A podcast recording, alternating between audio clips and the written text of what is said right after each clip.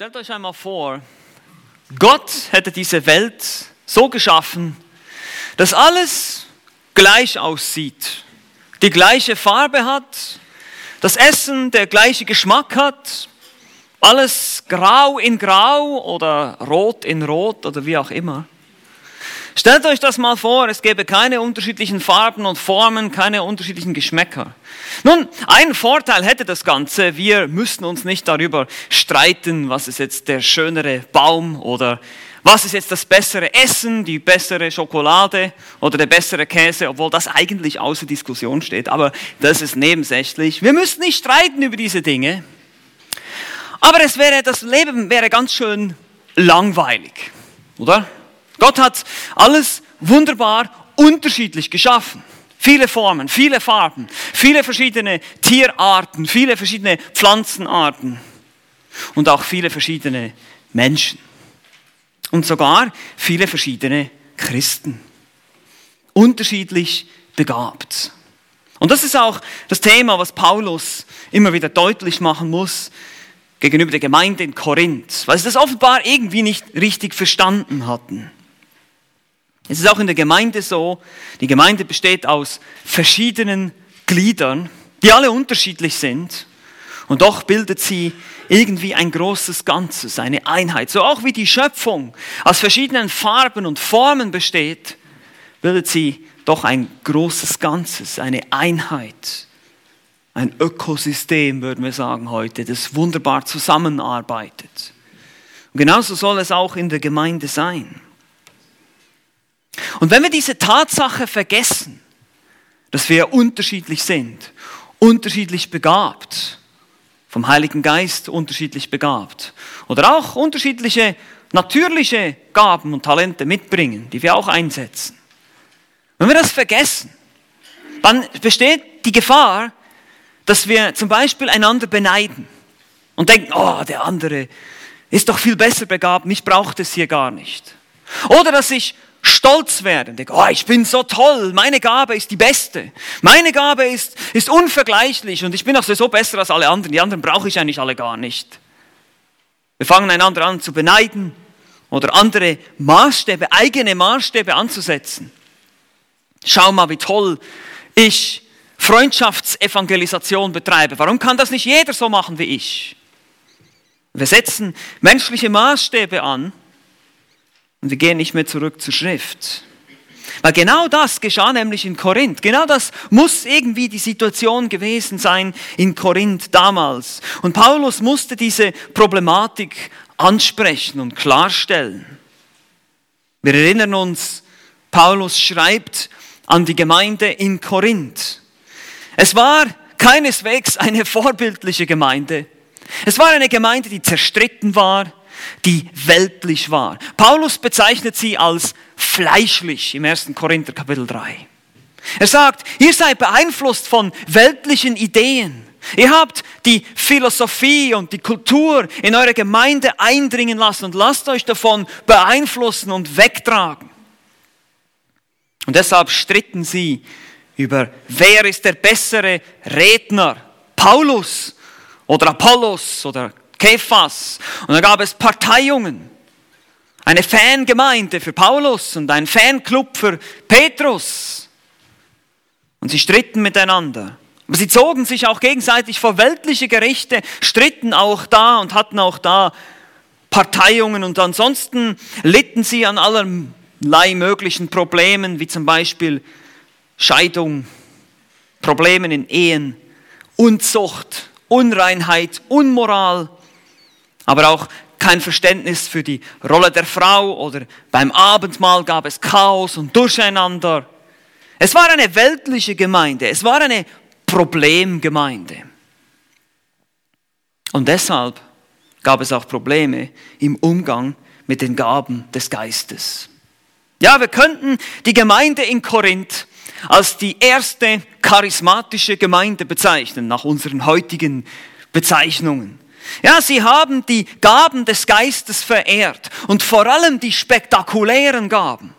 Wie wir noch sehen werden, hatten die Korinther wohl eine besondere Vorliebe für das Sprachenreden, was heute teilweise mit Zungenreden übersetzt wird, was aber nicht gut ist, nicht richtig ist. Es ist Sprachenreden, es geht um das Reden in Fremdsprachen. Es ist eine übernatürliche Begabung des Geistes. Und das war unter ihnen wohl sehr populär, weil die Griechen, die waren sowieso angetan von Redegewandtheit und all diesen Dingen und stritten sich ja sowieso schon, wer ist der bessere Redner, wer kann besser und eloquenter sprechen. Und so war es, kein, war es nicht verwunderlich, dass diese Gabe wohl als die beste und die wichtigste angeschaut wurde. Und es gab ein Riesenchaos und jeder würde aufstehen und irgendwas erzählen, die einigen würden in Sprachen reden und es gab ein Riesenchaos im Gottesdienst. Ziemlich ähnlich wie vielerorts in unseren unseren heutigen Kreisen, pfingstcharismatischen Bewegungen das manchmal der Fall ist. Und so musste Paulus auch hier Korrektur reinbringen, weil die Korinther in ihrer Fleischlichkeit, in ihrer Unreife öffneten sich einfach jeglichen Geistwirkung. Sie prüften gar nicht mehr, ist das jetzt wirklich der Heilige Geist, der hier wirkt? Und so kam es zu diesen unglaublichen Aussagen, dass jemand im Geist angeblich sagte, Jesus sei verflucht. Wohl irgendwie durch eine halb gnostische, halb jüdischen Einfluss, der dachte, ja gut, wer am Holz hängt, der ist verflucht und das war Jesus, der Mensch, der verflucht wurde, aber es war auf jeden Fall nicht richtig, was hier gesagt wurde. Und Paulus muss dagegen angehen und sagen, niemand, der im Geist Gottes redet, sagt, Jesus ist verflucht. Ihr müsst das ein bisschen prüfen hier. Könnt euch nicht einfach jeder Kraftwirkung öffnen und alles euch anhören, was da erzählt wird, es gibt nämlich auch falsche Gaben, gefälschte Gaben, die gerade hier ihr Unwesen, ihr Unwesen getrieben haben in der Gemeinde in Korinth. Und warum war das so? Weil die Korinther in ihrer Kultur beeinflusst waren auch von Mysterienreligionen, Mysterienkulten, die damals sehr, sehr populär waren.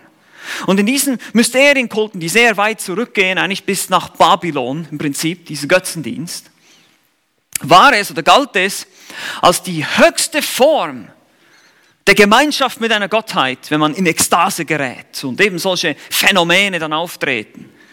Wie wir sie heute zum Teil auch sehen in anderen Kulten. Übrigens nicht nur in der charismatischen Bewegung, sondern auch in anderen Kulten. Das Zucken und Lachen und nach hinten fallen und all diese Dinge galten als, diese Ekstase galt als die höchste Form der Gemeinschaft mit einer Gottheit.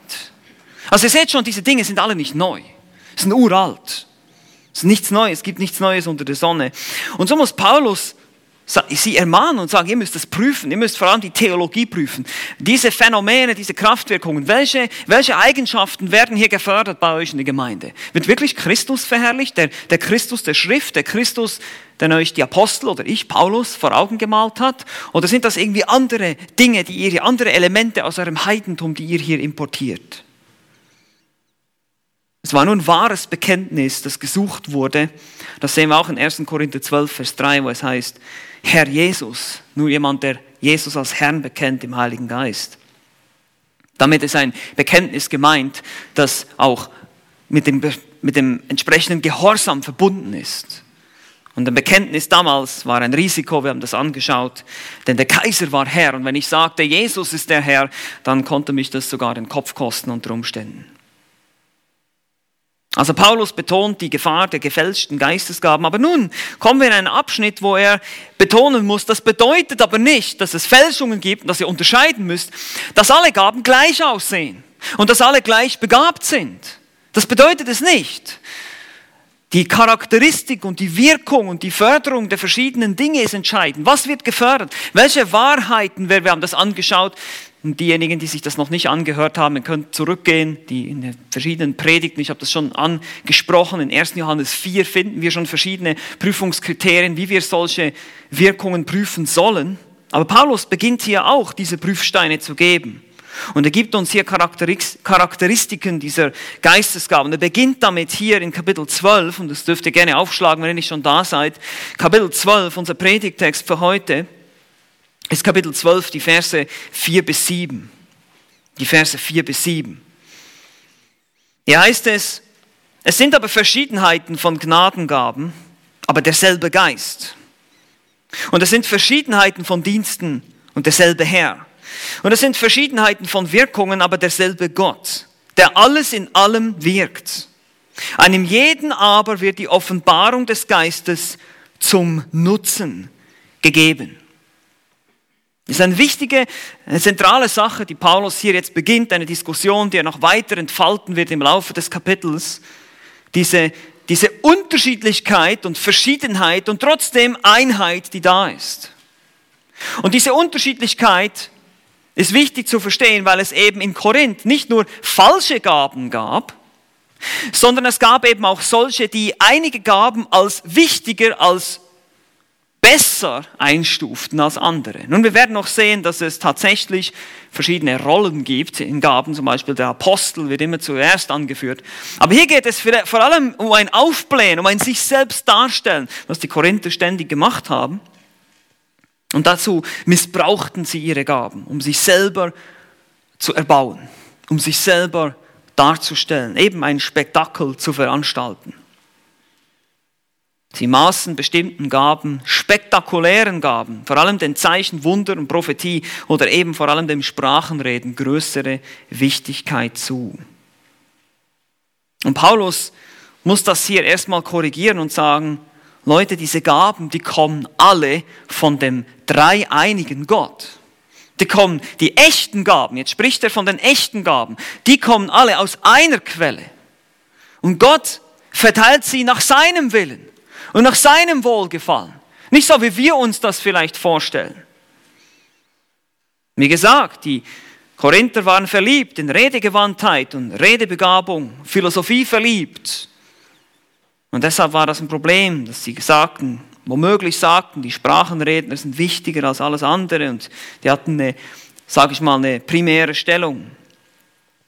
Aber Paulus macht deutlich, Gott der Geist, Gott der Sohn und Gott der Vater, sehen wir hier in dieser Stelle in den Versen 4 bis 7, es ist eine trinitarische Stelle, also die, es wird die Dreieinigkeit wird genannt hier und hervorgehoben. Es ist der Geist, äh, derselbe Geist, das wird auch betont, es ist derselbe Geist, es ist derselbe Herr, es ist derselbe Gott, der diese Gaben gibt. Es ist die eine Quelle, ist die dreieine Quelle. Dieser Gott, und aus dem kommen all diese Gaben. Deshalb können wir uns nichts einbilden darauf. Die Gemeinde in Korinth war ebenso genauso besessen wohl vom alleinigen Fokus auf den Heiligen Geist, ähnlich wie die heutige charismatische Bewegung, wo man manchmal den Eindruck hat, es geht mehr um den Heiligen Geist als um irgendwas anderes, als um Jesus und Gott den Vater. Wo sind die eigentlich? Es ist immer nur der Heilige Geist. Der Heilige Geist wirkt, der Heilige Geist, Heiliger Geist, komm. Und da wird er wie so ein Hündchen herumkommandiert. Das könnte man das.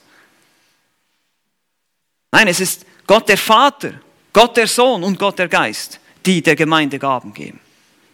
Es ist der dreieinige Gott.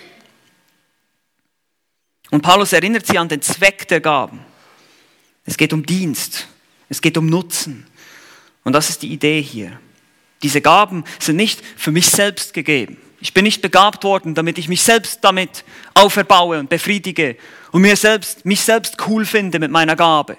Das ist genau das Problem hier. Oder andere beneide, warum ich das nicht habe, was der andere hat. Nein, die Gaben wurden gegeben, damit ich diene. Zum Nutzen aller.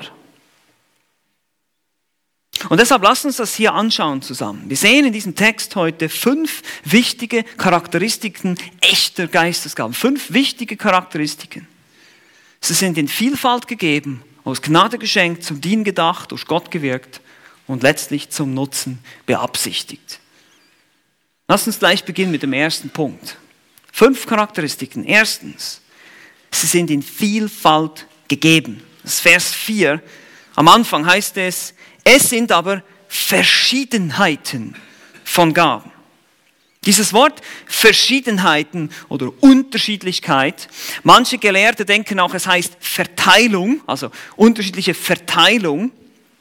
Der eine Gott verteilt auf verschiedene Art und Weisen seine Gaben.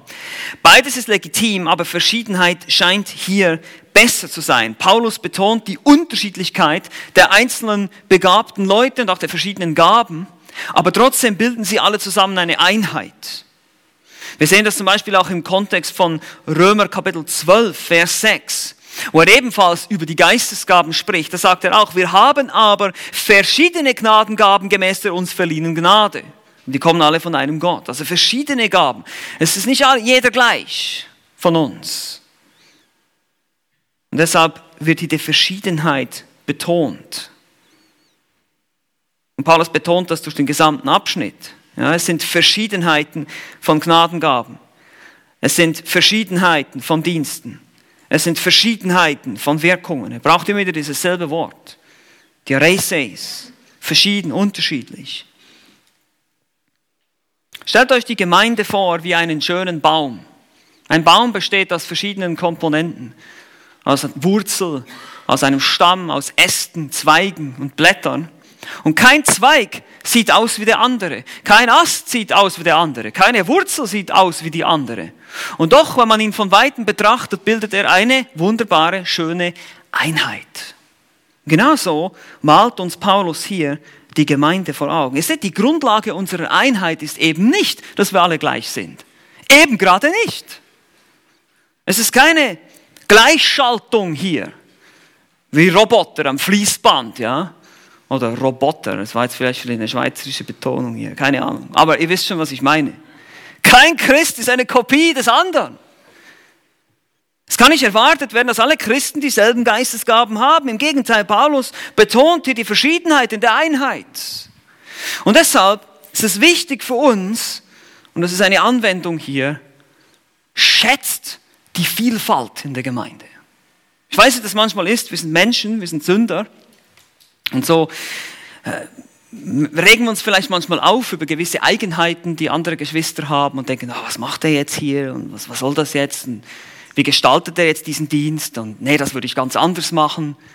Lasst uns erstmal prüfen. Es gibt schon Dinge, die richtig und falsch sind und deshalb haben wir auch die Bibel und wir können wieder zur Schrift zurückgehen, müssen alles prüfen. Aber manchmal und oft sind es dann aber auch diese Geschmacksdinge, ja wie, Dienst, wie jemand begabt ist und Dinge angeht, das ist unterschiedlich, weil Gott hat, lasst uns nicht vergessen, dass Gott für jeden Einzelnen bestimmte Gaben hat und ihn genau dahingestellt hat, wo er sein soll. Also einen bestimmten Zweck verfolgt. Aber vielleicht nicht immer diese Wirkung, die wir uns vielleicht vorstellen oder wünschen.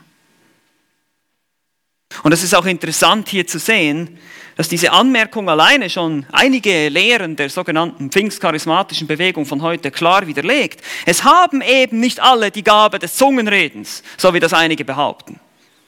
Ja, es muss nicht jeder in Zungen reden, um geistlich zu sein, wie das in der charismatischen Bewegung gesagt wird. Nein, es sind eben verschiedene Gaben.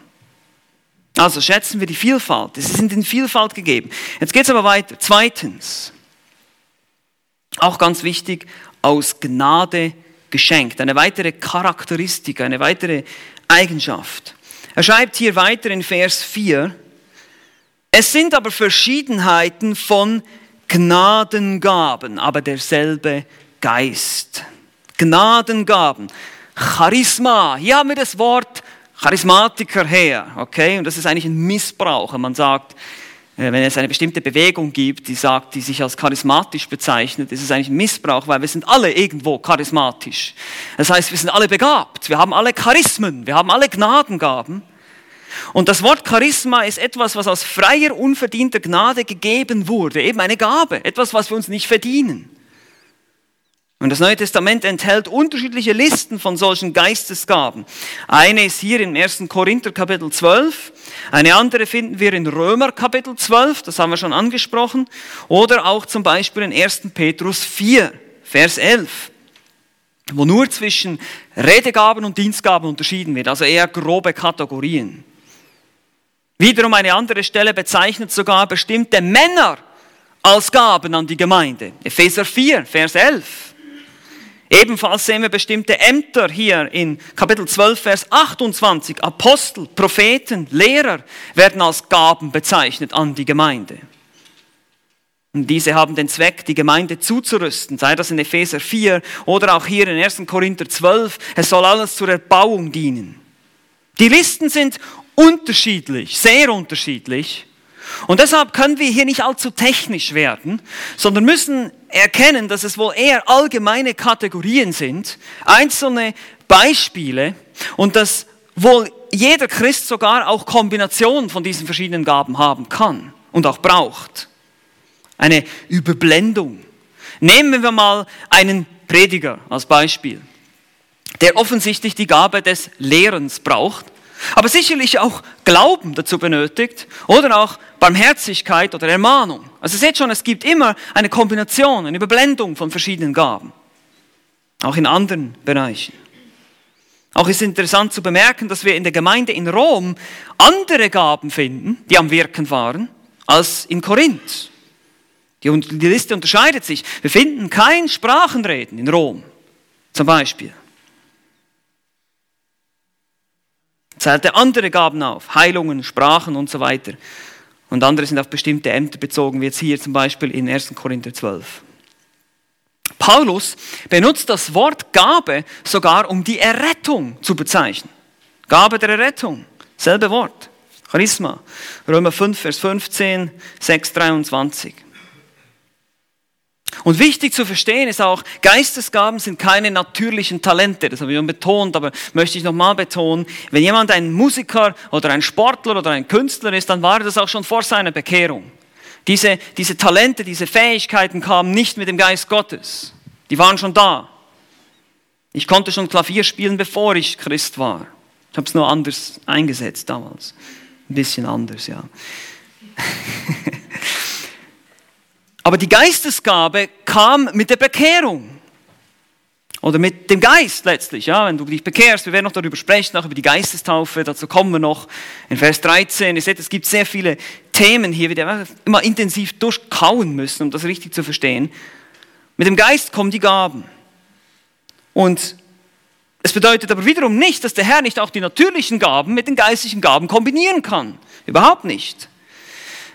Es ist interessant, ich hatte früher ähm, eine Diskussion auch mit einem Bruder, schon länger her, der das auch so genau gesehen hat, dass er gedacht hatte, ja, eben die, die natürlichen Talente, natürlichen Gaben, die sind nicht einsetzbar für den Herrn, nur die Geistesgaben. Das heißt zum Beispiel, wenn eben jemand gut Klavier spielen kann, dann sollte man ihn eben nicht ans Klavier setzen, sondern man sollte eher jemanden ans Klavier setzen, weiß ich, wie er sich das vorstellt, der nicht spielen kann oder gar nicht so gut oder und das ist Unsinn. Er würde dann sagen, sein Dienst kommt aus dem Fleisch. Aber das ist nicht die Idee. Gott benutzt alles, was wir, was er uns gegeben hat an Gaben. Seien das natürliche Gaben, Talente, Fähigkeiten oder Dinge, die du dir antrainiert hast.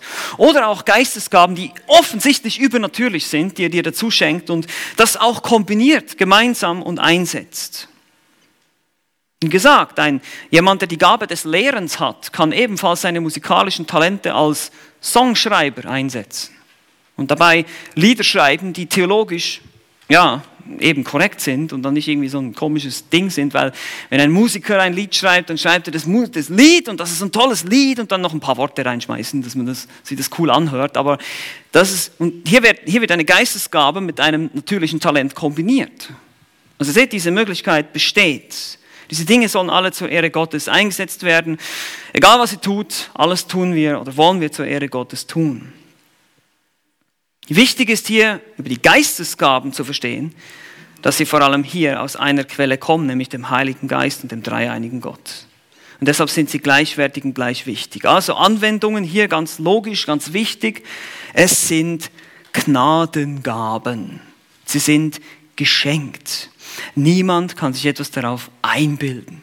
Niemand kann sich besser fühlen als der andere. Niemand soll den anderen beneiden. Und wir werden auch sehen, dass Paulus genau in die Richtung geht und, sie, und die Korinther dahingehend bringen will, dass sie eben damit aufhören, einen Konkurrenzkampf zu führen in der Gemeinde. Warum?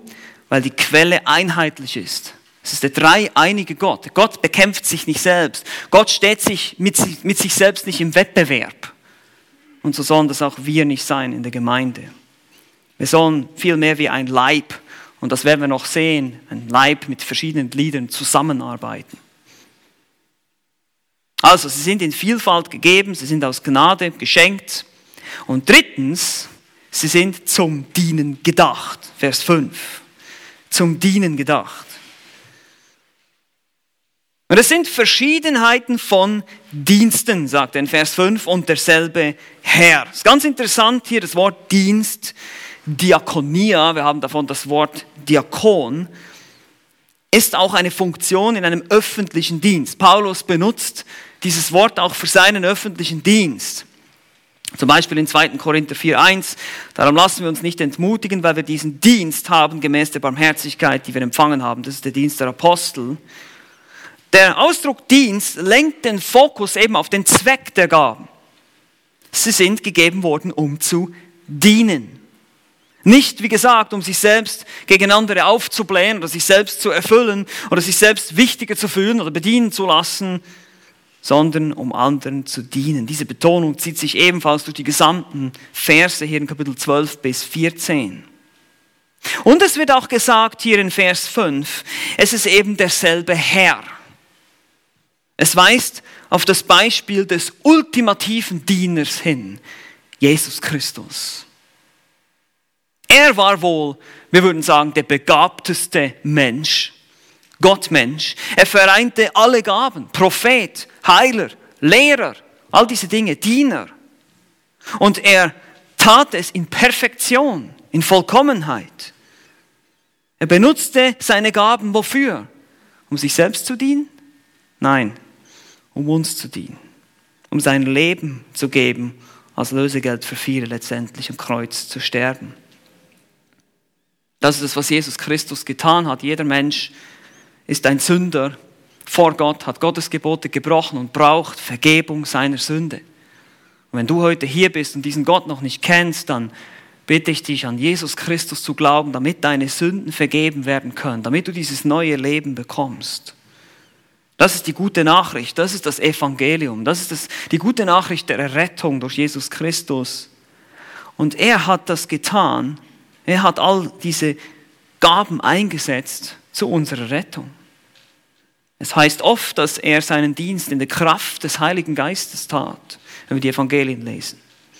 Er hat uns das vorgelebt eigentlich, auch als Beispiel. Und weiterhin werden hier auch die Verschiedenheiten betont, eben Verschiedenheiten von Diensten. Die Dienste können sogar innerhalb derselben Gabe unterschiedlich sein. Also jetzt kommen wir hier, die, das Wort Dienst und Wirkungen und Gabe ist ja nicht dasselbe. Du kannst, die, es können zwei Menschen dieselbe Gabe haben, aber der Dienst kann unterschiedlich aussehen.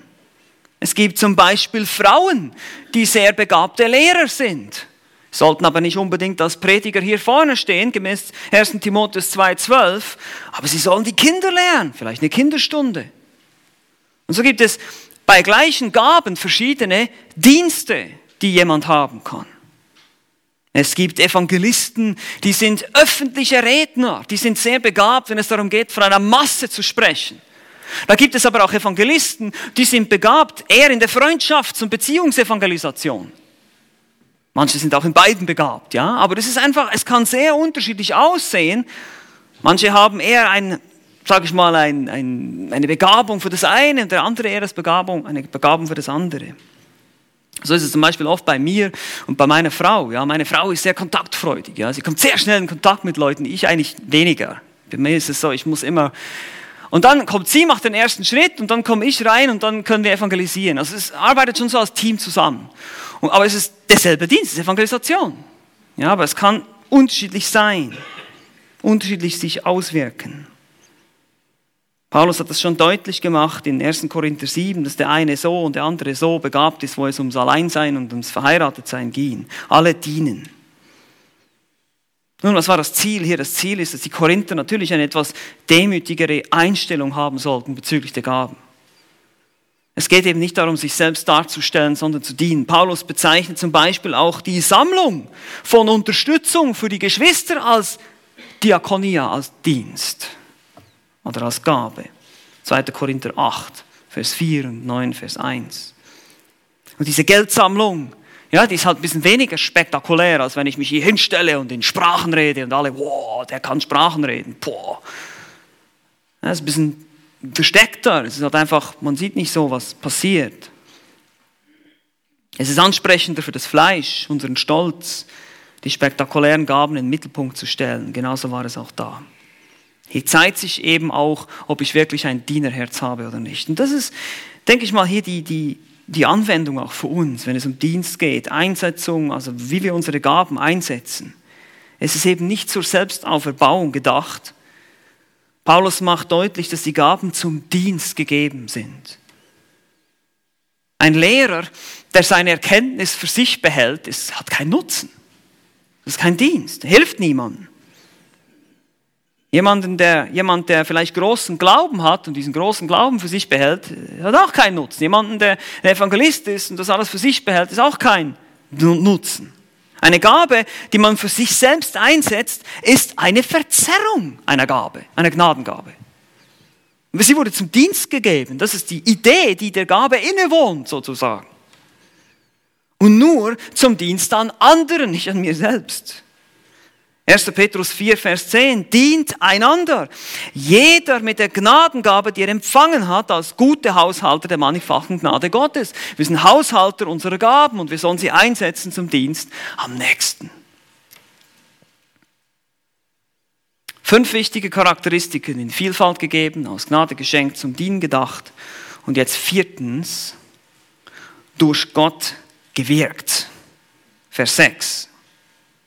Das heißt es hier, und es sind Verschiedenheiten von Wirkungen, aber derselbe Gott, der alles in allen wirkt. Nun, das Wort Wirkungen heißt so viel wie Aktivität oder ist ein Ausdruck, also eine Aktivität als Ausdruck einer Fähigkeit oder einer Befähigung. Ein Wort, welches an sich schon einen übernatürlichen Charakter hat, denn die Gaben ja auch haben, die Geistesgaben. Diese Gaben sind von Gott in übernatürlicher Art und Weise gegeben und haben nicht unbedingt etwas mit unseren natürlichen Fähigkeiten zu tun, werden mit ihnen kombiniert, aber sind von Gott gegeben, wenn es um die Geistesgaben geht. Manchmal, wie gesagt, ergeben sich Kombinationen, aber die Quelle der Wirkung ist dieselbe. Es ist der Gott hier, der wirkt. Die Form des Verbs hier, es ist der, der Gott, der am Wirken ist. Er ist der Wirkende. Er ist beständig am Wirken. Das ist die Idee. Gott bewirkt diese Gaben. Er schenkt sie nicht nur, sondern er ist beständig dabei, sie zu bewirken. Und genauso wie er sie wirkt, kann er sie auch wieder zurückziehen, so wie es ihm gefällt. Also seht ihr diese, diese totale Abhängigkeit von Gott. Äh, es ist nicht so, dass er dir eine Gabe gibt und sagt, so, das ist jetzt deins. Nein sondern diese Gabe, die Ausübung dieser Gabe ist ein ständiges Wirken Gottes. Umso mehr, umso mehr können wir uns nichts einbilden darauf. Und wie gesagt, das ist das Ziel, das Paulus hier verfolgt mit seinem ganzen Argument. Derjenige, der die Gaben gibt, stellt auch die Energie zur Verfügung, damit die Gaben wirken können. Wie Gott einem jeden das Maß des Glaubens zugeteilt hat, heißt es in Römer 12. Er gibt jedem ein Maß des Glaubens, des Vertrauens auf Gott, um diese Dinge zu wirken. Wiederum kann es also keine wichtigeren oder weniger wichtigen Leute geben. Es geht gar nicht um die Leute, es geht um die Gaben hier. Gott schenkt es, Gott wirkt es. Und wiederum gilt der Grundsatz, der schon im 1. Korinther Kapitel 1, Vers 29 bei der Errettung gilt, damit niemand sich rühme. Damit niemand sich rühme. Es ist alles von Gott. Es ist Gott, der alles in allem wirkt. Er ist die Kraftquelle der Wirkungen. Er ist derjenige, der diese wirkt, im Hintergrund ständig wirkt und die Energie dazu gibt, dass diese Dinge geschehen können. Es wird auch in der Errettung offenbar. Dasselbe Prinzip gilt auch hier für den Dienst.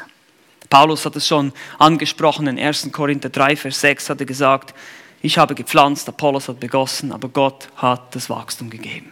Gott gibt es Gedeihen, Gott gibt die Kraft, Gott gibt die Energie, dass das überhaupt funktioniert. Und deshalb ist es für uns wichtig, als Anwendung zu verstehen, egal wie begabt ich bin, egal wie begabt du bist, lasst uns nicht vergessen, dass es alles nur von Gott kommt, ständig von Gott gewirkt wird. Wir sind völlig abhängig, ständig abhängig. Sie kommen nicht aus unserer eigenen Kraft, diese Gaben. Wir mögen sogar Talente und Intelligenz und Fähigkeiten haben, die wir einsetzen, aber auch das, letztlich auch nur das, kommt von Gott. Und er kann uns das jederzeit wegnehmen. Er kann uns das jederzeit wegnehmen. Und deshalb kann sich keiner etwas einbilden. Er gibt das Gedeihen. Und deshalb der richtige Einsatz dieser Gaben erfordert auch unsere Heiligung, unseren Gehorsam, dass wir es richtig tun, dass wir uns nicht eben aus falschen Motiven dienen. Das ist so wichtig. Gott schaut auf das Herz, auf das Innere von dir. Und wenn du äußerlich noch so spektakulär bist in deinem Dienst und wunderbar und alle dich bejubeln, pass auf, sei vorsichtig. Die Korinther waren fleischlich, wir haben das gesehen. Sie waren fleischlich, fleischlich gesinnte Christen, unreif, und sie setzten diese Gaben falsch ein. Das war das Resultat von ihrer Unreife. Und sie strebten, wie wir heute manchmal eben, nach, nach eigenen Maßstäben, nach dem, was sie dachten, was die bessere Gabe ist.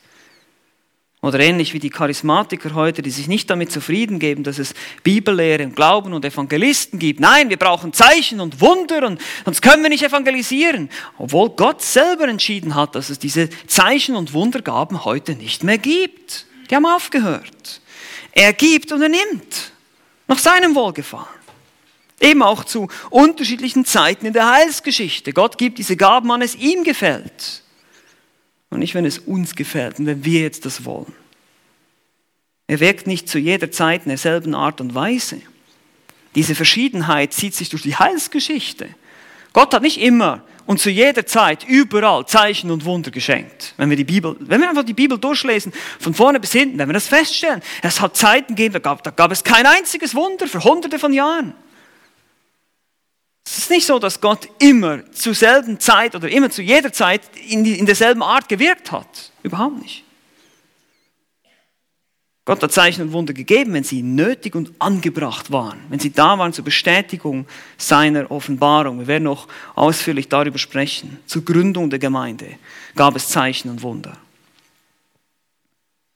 Eine weitere wichtige Sache hier ist auch folgende wenn wir über, den, über die Unterschiedlichkeit sprechen, ähm, gleichzeitig verbunden, aber damit, dass Gott es wirkt zu seinem Wohlgefallen. Es kann durchaus sein, dass dieselbe Person die Gabe unterschiedlich einsetzt zu unterschiedlichen Anlässen, aber es kann auch sein, dass die Wirkung, also das Resultat anders ist. Ja, es kann sein, dass nicht jeder dieselbe Wirkung erzielt mit seiner Gabe. Das Beispiel, derselbe Prediger, der vielleicht vor zehn Jahren eine Erweckung hervorgerufen hat durch seine Predigt, bringt heute vielleicht noch zwei Leute pro Jahr in den Gottesdienst. Es ist derselbe Prediger, aber die Gabe erzielt unterschiedliche Wirkungen, unterschiedliche Resultate. Jemand hat mal gesagt, Gottes Kinder und Gottes Gaben sind wie Schneeflocken, keine ist gleich wie die andere. Und leider strebt der, der fleischlich gesinnte Mensch, und das ist so wichtig für uns zu verstehen hier, weil wir sehen das am Beispiel der Korinther und wir können das in unserem Leben sicherlich auch mal feststellen, der, der fleischlich gesinnte Mensch strebt nach Uniformität. Es muss alles gleich sein. Vor allem muss alles so sein wie ich. Ich bin der Maßstab aller Dinge. Ja, das, ist, das ist der fleischlich gesinnte Mensch. Ich bin der Maßstab, ich stehe über allem. Ja? Er strebt nach Uniformität anstatt nach wahrer Einheit. Ja, die wahre Einheit besteht nicht darum, dass wir alle gleich denken und gleichgeschaltet sind. Nee, die wahre Einheit besteht eben gerade in dieser Unterschiedlichkeit und Vielfalt. Das ist das Interessante und das ist genau das, was die Korinther erstmal lernen mussten. Wir müssen nicht alle dieselben Gaben haben. Auch müssen wir dieselben Gaben nicht exakt auf die gleiche Weise einsetzen. Auch müssen diese Gaben, die auf unterschiedliche Weise eingesetzt werden, auch nicht dieselbe Wirkung erzielen. Das alles liegt in Gottes Hand.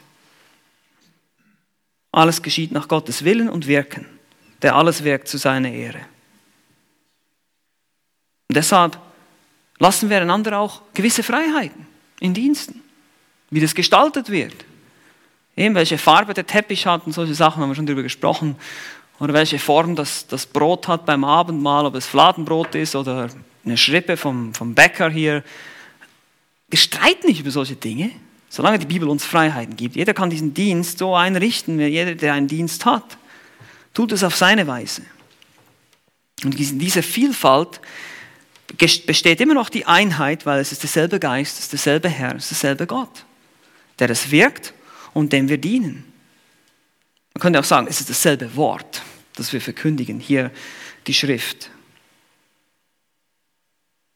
Aber wie gesagt, die Korinther hatten andere Interessen und deshalb gab es so viele Streitigkeiten und Unruhen und Probleme in dieser Gemeinde.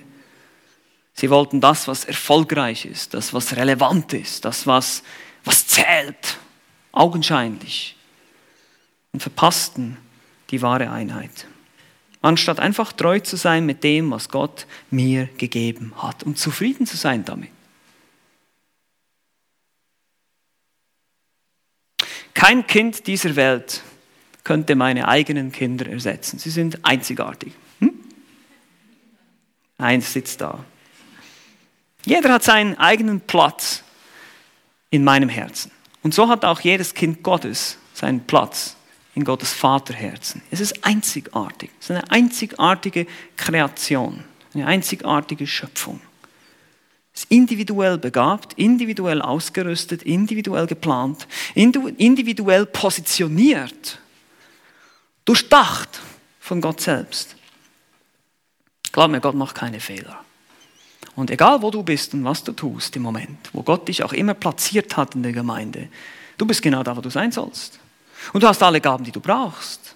Du bist ausgerüstet mit dem, was du brauchst für deinen Dienst. Das ist ermutigend.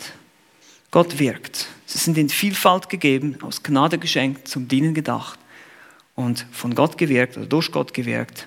Und fünftens, jetzt kommen wir zum Resultat, zum Nutzen beabsichtigt. Das ist Vers 7. Zum Nutzen beabsichtigt. In Vers 7 heißt es, einem jeden aber wird die Offenbarung des Geistes zum Nutzen gegeben. Nun, Offenbarung, das Wort hier, oder auch man kann das mit Manifestation übersetzen, trägt eigentlich die Idee in sich, etwas öffentlich zugänglich zu machen, etwas publik zu machen. Es wird sichtbar, eben offenbar. Es war vorher nicht sichtbar, jetzt wird es sichtbar. Es wird bekannt gemacht. Die Gaben machen den Heiligen Geist bekannt sozusagen, manifestieren seine Wirkungen. Eben diese Gaben sind nicht zur privaten Selbsterfüllung oder Selbsterbauung gegeben, sie sind gegeben, hier, das Wort hier gegeben, was wir auch haben in diesem Vers, die Offenbarung des Geistes zum Nutzen, gegeben, ist passiv. Es betont wiederum dieses Geschenktsein. Es wurde dir geschenkt. Und es wird auch kontinuierlich gegeben. Hier die Verbform macht das auch deutlich. Es wird beständig gegeben. Und wofür? Zum Nutzen. Symphero. Nützlich sein, vorteilhaft sein. Es ist eigentlich ein Partizip hier, es ist Vorteil seiend, zum Vorteil seiend müsste man das übersetzen, zum Nutzen seiend.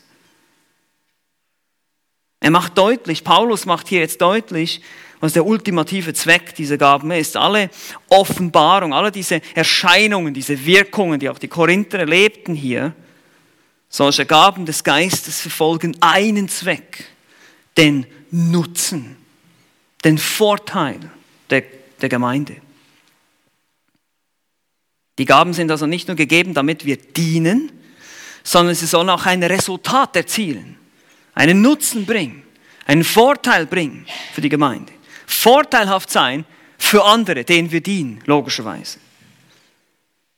Und dieser ultimative Zweck zieht sich ebenfalls durch den gesamten Abschnitt in Kapitel 12 bis 14. Zum Nutzen haben wir in 12 Vers 7, zur Erbauung haben wir dann in 14 Vers 5. Es geht immer wieder um dasselbe, es sollen andere erbaut werden. Und es steht hier auch im Vers 7, einem jeden wurden diese gegeben. Jedem.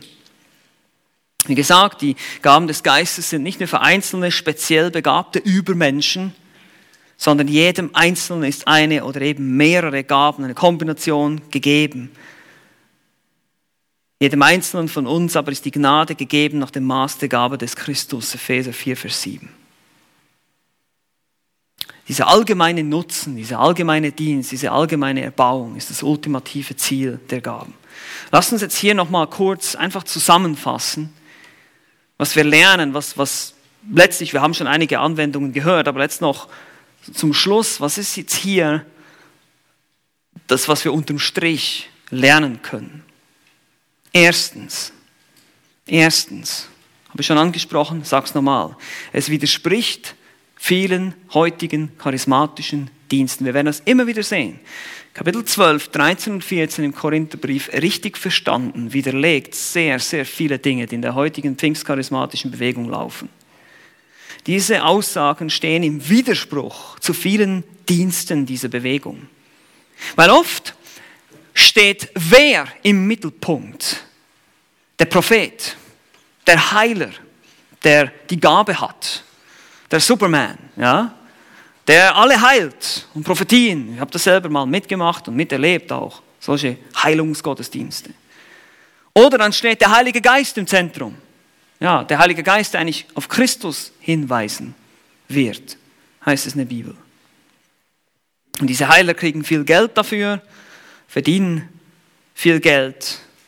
Und das ist, widerspricht einfach dem, was wir hier sehen. Diese Gaben sind zum Dienen, zum Nutzen aller. Es soll gedient werden, damit nicht sich selbst bereichert. Zweitens, vielleicht eine etwas mehr persönliche, praktische Anwendung für dich. Frage dich, warum dienst du? Ich meine, das ist immer wieder eine Frage, die ich mir auch stelle. Warum diene ich? Warum tue ich, was ich tue? Diene ich mit meiner Gabe, um gesehen zu werden oder um wirklich anderen zu dienen? Diene ich wirklich zum Nutzen, zum Wohl anderer, der Gemeinde oder mir selbst? Ja, nehmen wir mal das Beispiel der Gastfreundschaft. Du bist gastfreundlich und dann hast du Leute eingeladen und die gehen alle wieder und dann musst du aufräumen und du regst dich darüber auf. Frage dich, warum dienst du eigentlich? Ich meine, wenn es dir wirklich darum geht, Menschen zu dienen, dann ist das das wunderbar. Jetzt kann ich noch aufräumen. Oder andere sehen mich nicht, wenn ich meinen Dienst tue. Ich habe nie ein Kompliment bekommen. Ich habe, ich habe nie eine Ermutigung. Das ist natürlich auch nicht so gut, ja klar. Aber trotzdem, frage dich, warum dienst du? Es hat mich nie jemand angerufen und mir gedankt für meinen Dienst. Warum dienst du? Für wen tust du das? Ist es wirklich für den Herrn und nur für den Herrn? Oder ist es eben auch ein bisschen für mich selbst? Die Frage. Hat mir niemand ein Kompliment gemacht wegen meiner Predigt, jetzt bin ich sauer. Warum diene ich? Ja, ich meine, das kann man überall, ihr seht schon, das ist ganz praktisch, man kann sich überall die Frage stellen, allen, egal was du tust, welchen Dienst du hast. Tust du es, um bemerkt zu werden, um Applaus zu bekommen oder eben wirklich, weil du anderen helfen willst? Drittens, eine dritte Anwendung hier, dieser Zweck, dass die Gaben zum Nutzen anderer, zum Dienen gegeben sind, durch Gott gewirkt, aber zum Dienen an anderen, zum Nutzen, diese Resultate zu erzielen, dieses geistliche Wachstum, verpflichtet uns zur verbindlichen Gemeindemitgliedschaft. Ja, das ist ein Grund, warum wir Mitglieder einer lokalen Gemeinde sein sollen. Weil wo um alles in der Welt willst du deine Geistesgaben einbringen, wenn nicht in der Gemeinde? Und wie willst du deine Geistesgaben einbringen, wenn du nie da bist? Geht nicht. Wird schwierig. Gibt vielleicht einige, die das schriftlich machen können, per E-Mail äh, oder gewisse Dinge, die organisiert werden. Aber trotzdem, wir brauchen Gemeinschaft. Wir müssen zusammenkommen. Wir müssen verbindlich sein. Es ist, wie gesagt, ein Dienst. Es ist etwas, jemand verlässt sich auf mich, dass ich wirklich verbindlich und verpflichtend das mache. Und nicht einfach so Lari, Fari, irgendwie mal, mal komme ich, mal komme ich nicht, mal bin ich mal da, mal bin ich auch nicht da. Stellt euch mal vor, ich würde am Sonntagmorgen sagen, oh ja, ich komme dann morgen zur Predigt. Ihr müsst halt jetzt heute am Sonntag, ja, ist, ist ja egal. Ich komme komm dann morgen, ist okay? Ja? Nein, das, das geht einfach nicht. Ja? Die Gabe muss so eingesetzt werden, dass es wirklich Nutzen bringt. Wenn dann keiner hier sitzt, dann hat keiner einen Nutzen. Am Montag seid ihr wahrscheinlich alle am Arbeiten, die meisten von euch, oder in der Schule oder sonst irgendwo, haben wir keinen Nutzen davon. Und viertens, auch ganz wichtig hier, die Multiplikation der Gaben. Das ist auch noch ein interessanter Gedanke. Unsere Gabe wurde uns gegeben, damit wir anderen dienen und helfen, ihre Gaben weiterzuentwickeln. Also es geht hier wirklich auch um, um Jüngerschaft, um Multiplikation. Als Beispiel, muss sehr mit, mit einem Beispiel machen. Ein Pastor, ein Prediger, der treu das Wort verkündigt, befähigt wiederum andere und rüstet sie zu, zu ihrem Dienst, den sie tun. Der treue Evangelist, der auf die Straße geht, motiviert andere zum Evangelisieren. Und so ist es ja auch. Viele Dienste haben besondere Begabungen, aber dann gibt es Dinge, die wir auch alle tun sollen. Ich meine, wir alle sollen evangelisieren. Es ist nicht einfach nur so, dass ich sagen kann, naja, ich habe die Gabe des Evangelisierens nicht, also muss ich nicht evangelisieren. Nein, das ist nicht die Idee hier. Sondern wenn jemand ein Evangelist ist, hat er eine besondere Gabe und motiviert auch andere, das ebenfalls zu tun. Es geht hier um die Multiplikation. Oder wenn ich hier predige, dann hoffentlich motiviere ich euch mehr, die Bibel zu lesen und euch mehr mit Theologie zu beschäftigen, anstatt mit, was weiß ich, alles für Magazinen und Zeitungen. Wir sehen, wir, wir motivieren andere, dasselbe zu tun. Auch wenn sie jetzt nicht die bestimmte Gabe haben, sind sie doch aufgerufen, bestimmte elementare Dinge zu tun. Wir alle sollen evangelisieren, wir alle sollen dienen, wir alle sollen die Schrift verstehen, die Lehre verstehen.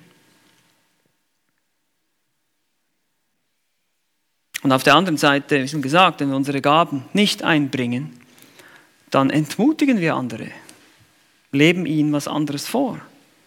Man muss ja nicht verbindlich sein. Oder man entmutigt in dem Sinn, dass man einfach ein schlechtes Beispiel ist, dass jemand fehlt, etwas fehlt hier. Und das ist letztlich selbstsüchtig, wie das auch bei den Korinthern der Fall war. Selbstsucht, Egoismus, ich diene mir selbst, die anderen sind mir egal, ich kann gut ohne die leben. Das ist, das ist nicht eine christliche Einstellung, das ist kein christliches Denken hier, kein biblisches Denken. Das ist keine Nächstenliebe letztlich. Und deshalb wird Paulus das Element der Liebe sehr stark betont dann im Kapitel 13. Die Liebe ist der Triebmotor für das Ganze. Stellt euch mal vor, wie effektiv die Gemeinde Jesu heute wäre, würden alle ihre Gaben zu 100% einbringen und wirklich die Gemeinde als oberste Priorität auf ihrer Liste haben. Stellt euch mal vor, wie effektiv wir sein können. Ich weiß, viele von uns tun das, aber wenn man generell sieht in der Welt, wie das aussieht zum Teil, ist es sehr tragisch.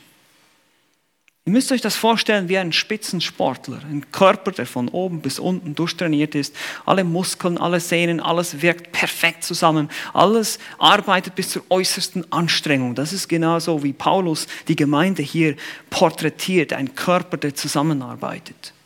Der alle Glieder arbeiten zusammen miteinander und nicht jeder für sich. Es ist ein Gemeinschaftsprojekt, meine Lieben.